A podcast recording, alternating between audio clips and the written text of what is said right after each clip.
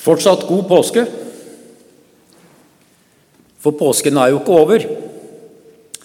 Den varer til Kristi himmelfartsdag, og i dag er det andre søndag i påsketiden. Første søndag, det var jo første påskedag. Så vi kan fortsatt få lov å spesielt fordype oss i verdens største og viktigste under, det at Jesus har stått opp, og at han lever i dag. I et av versene vi nettopp leste, fra første kor 15, i vers 17, så hørte vi Men hvis Kristus ikke er stått opp, da er deres tro uten mening, og dere er fremdeles i deres synder. Og litt foran, i vers 14, leste vi, eller hørte vi Men er ikke Kristus stått opp, da er vårt budskap tomt, og deres tro er også tomt. Så det store under og det faktum at Jesus er stått opp, det er altså helt avgjørende for, for oss. La oss be. Kjære Herre, takk for at vi igjen får høre om din oppstandelse og hvordan du tar deg av oss. Vi ber deg være med oss nå med Din Hellige Ånd, sånn at det jeg får si, virker slik du vil det. Amen. Evangelieteksten til i dag den står i det siste kapittelet i Johannesevangeliet, i, altså i kapittel 21, i versene 1-14. Og vi leser i Jesu navn. Siden åpenbarte Jesus seg enda en gang for disiplene ved Tiberiassjøen. Det gikk slik til. Simon Peter Thomas, som ble kalt Tvillingen, Natanael fra Kana i Galilea, Sebedeus-sønnene og to andre av disiplene hans var sammen der. Simon Peter sier til de andre, 'Jeg drar og fisker.' 'Vi blir også med', sa de. De gikk av sted og steg i båten. Men den natten fikk de ingenting. Da morgenen kom, sto Jesus på stranden, men disiplene visste ikke at det var han. Har dere ikke noe å spise, barna mine? sa Jesus til dem. Nei, svarte de. Kast garnet ut på høyre side av båten, så skal dere få, sa Jesus. De kastet garnet ut, og nå klarte de ikke å dra det opp. Så mye fisk hadde de fått. Disippelen som Jesus hadde kjær, sa da til Peter, 'Det er Herren.' Da Simon Peter hørte at det var Herren, bandt han kappen om seg, den hadde han tatt av, og kastet seg i sjøen. De andre disiplene kom etter i båten og dro garnet med fisken etter seg. De var ikke langt fra land, bare omkring 200 alen.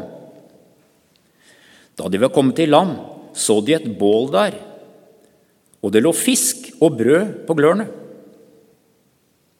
Kom hit med noen av de fiskene dere nettopp fikk, sa Jesus til dem. Simon Peter gikk da om bord i båten og trakk garnet i land. Det var fullt av stor fisk, 153 i alt. Men enda det var så mange, så revnet ikke garnet. Jesus sa til dem, 'Kom og få mat.'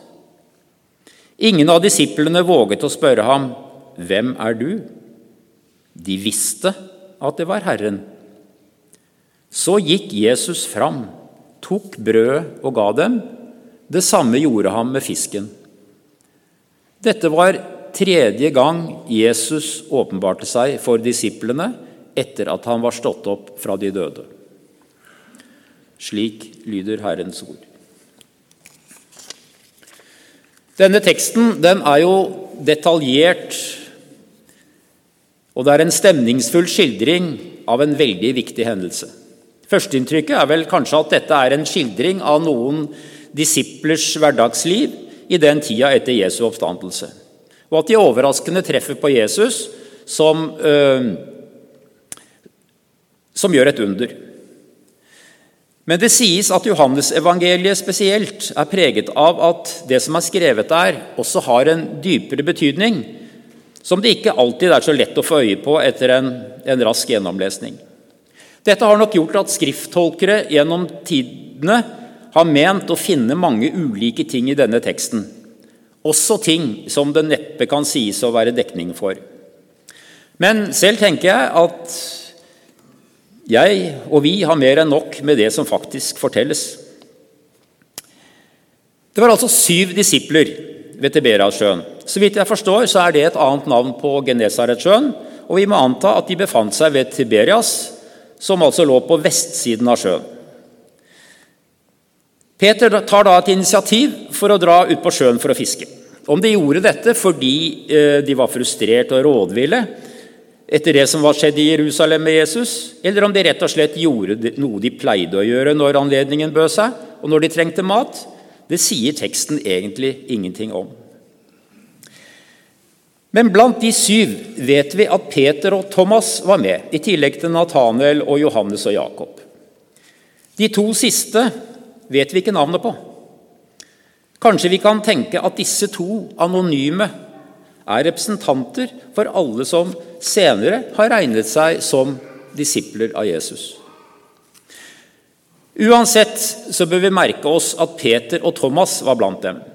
Begge disse kjente nok på svikt, og at de veldig gjerne skulle ha hatt ting ugjort.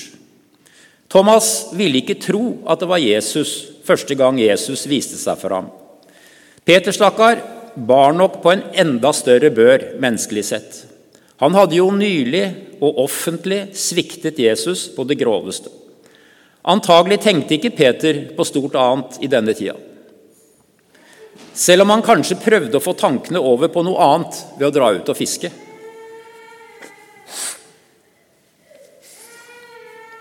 Det som er ganske klart i denne teksten, det er at nå er det hverdag.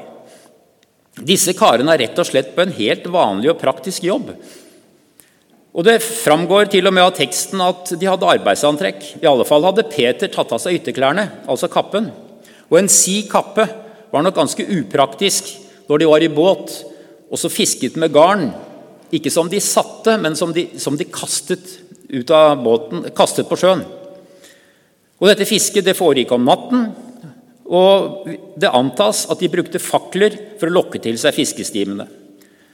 Så hadde de sikkert en egen teknikk for å kaste garnet i en ring rundt det de håpet var en fiskestim. Antagelig ganske slitsomt arbeid. Denne natten hadde dette arbeidet vært til ingen nytte. Resultatet var bare at de var slitne, søvnige og sultne, og uten å ha noe å spise. Det står at det var omtrent 200, 200 alen fra land, og det er så vidt jeg forstår, ca. 100 meter. Og jeg forstår også at det er omtrent lengden av en fotballbane. Da ser de i grålysningen mot vest en mann som står inne på stranda. De visste ikke hvem han var. Mannen roper til dem et spørsmål som måtte virke, virke litt merkelig. Spørsmålet virker både som denne mannen vet at de ikke har fått noe som helst fisk, ikke så lett å se det på 100 meters avstand i en båt, og at han på en eller annen måte kjenner dem. I vår oversettelse står det 'Har dere ikke noe å spise, barna mine?' Det høres ut som han visste at ikke de hadde noe å spise. Og Uttrykket 'barna mine' kunne visst like gjerne ha vært oversatt med karer, gutter, kamerater. Altså, har dere ikke noe å spise, gutter? Når de nå fra båten roper 'nei' tilbake som svar, så roper den fremmede mannen tilbake fra stranden at hvis du kaster barna ut, garnet ut på høyre side av båten, så skulle de få fisk. Og De erfarne fiskene måtte jo synes at dette var ganske spesielt. At denne, frem, denne mannen, som de altså ikke kjente, så står der inne på stranden og, og, ber dem å gjøre noe som de helt sikkert mente at de hadde best greie på sjøl. Men det måtte være noe med stemmen hans som gjorde at de gjorde som han sa. Altså Selv om denne mannen og jeg synes Det er liksom betegnende at denne Tiberiasjøen altså De var på vestsiden. Og Om morgenen da eh, ser de jo rett mot sola, og at denne mannen som står på stranda og ser mot grålysningen, skulle se fiskestimen bedre enn de som var i båten, det var jo ganske ufattelig. Så det naturlige ville vel vært at ja vel, du kan jo si det, du. Men, men de gjorde det. De gjorde som mannen sa. Så fikk de altså så mye fisk at de ikke klarte å dra fangsten opp i båten. Og hva disse syv da sa eller tenkte, det står det ikke noe om. Men vi må vel anta at de raskt tenkte på noe som hadde skjedd dem tre år tidligere, i den samme innsjøen. Da hadde jo Jesus på en underfull måte gjort det sånn at de fikk en kjempefangst av fisk da også. Og I Lukas 5 står det om dette. Og Fra den gang så kan vi kanskje huske Peters reaksjon. Da ba han Jesus fjerne seg fra ham fordi Peter kjente seg som en så syndig mann. Det var etter denne hendelsen Simon Peter fikk høre Vær ikke redd, fra nå av skal du fange mennesker. Det var Johannes som først ble, ble helt overbevist om hvem denne mannen på stranda virkelig var. Det er Herren, sier Johannes til Peter. Som den impulsive og handlingens mann Peter var, så reagerer han resolutt. Og etter sitt dype fall og nederlag i øversteprestens hage så følte nok ikke Peter seg mindre syndig og uverdig enn han gjorde ved forrige underfulle fiskefangst tre år tidligere. Men likevel så reagerer nå Peter helt annerledes. Han bare måtte komme i nærkontakt med Jesus. Og at Peter hadde dyp respekt for Jesus, det viser Peter ved at han først tar på seg kappen. Og Samtidig har Peter så hastverk med å treffe sin kjære Herre igjen at han tydeligvis ikke tenker på hva som var vanlig skikk og bruk, eller hva de andre måtte mene.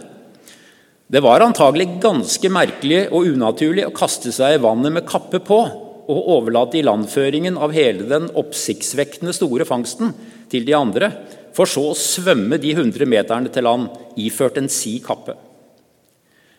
Men det ser ut som Peter han bare hadde ett mål i sikte, og det var å komme i kontakt med sin frelser og venn snarest mulig.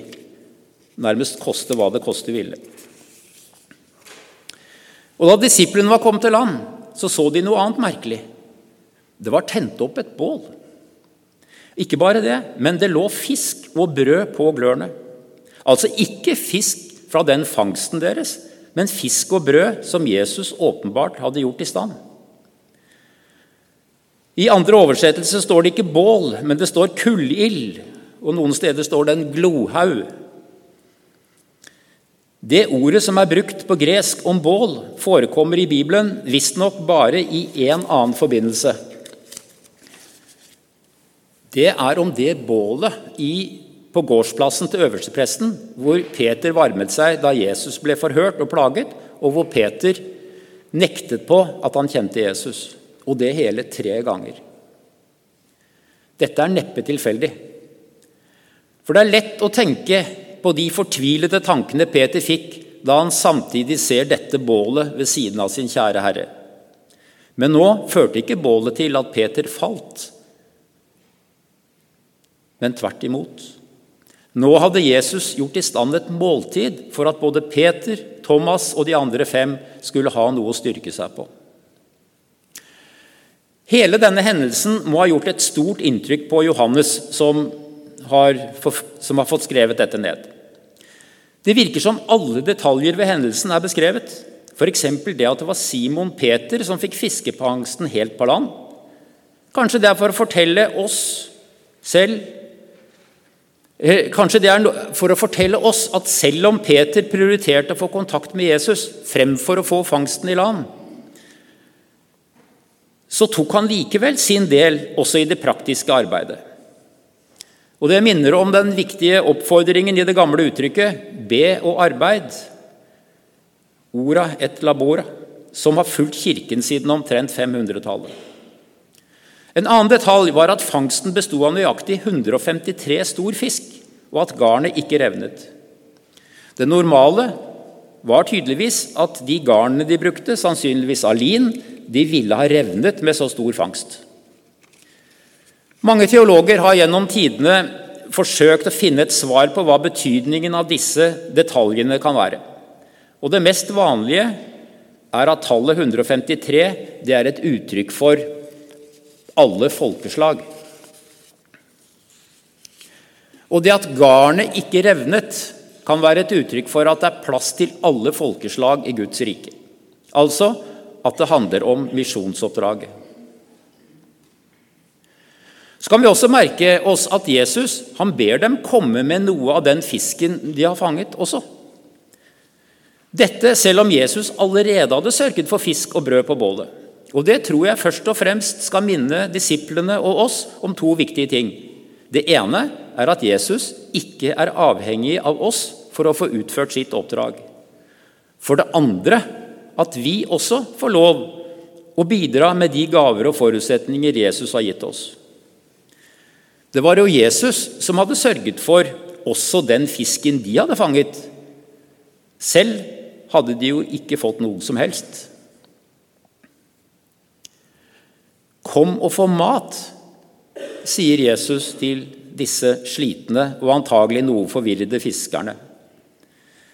Dette minner om nattverden, selv om det her er fisk istedenfor vin. Jesus vil gi sine venner et styrkemåltid midt i deres hverdagssituasjon. Og Jeg minner også om at ordet 'fisk' kan henspeile på Jesus selv. Skriver man 'Jesus, Kristus, Guds sønn, frelser' på gresk, og bruker de første bokstavene, får man ordet 'fisk'. Altså det symbolet der. Det er to buer mot hverandre, hvor den ene, eller de to ender møtes. Og det er visstnok et av de første kristne symbolene.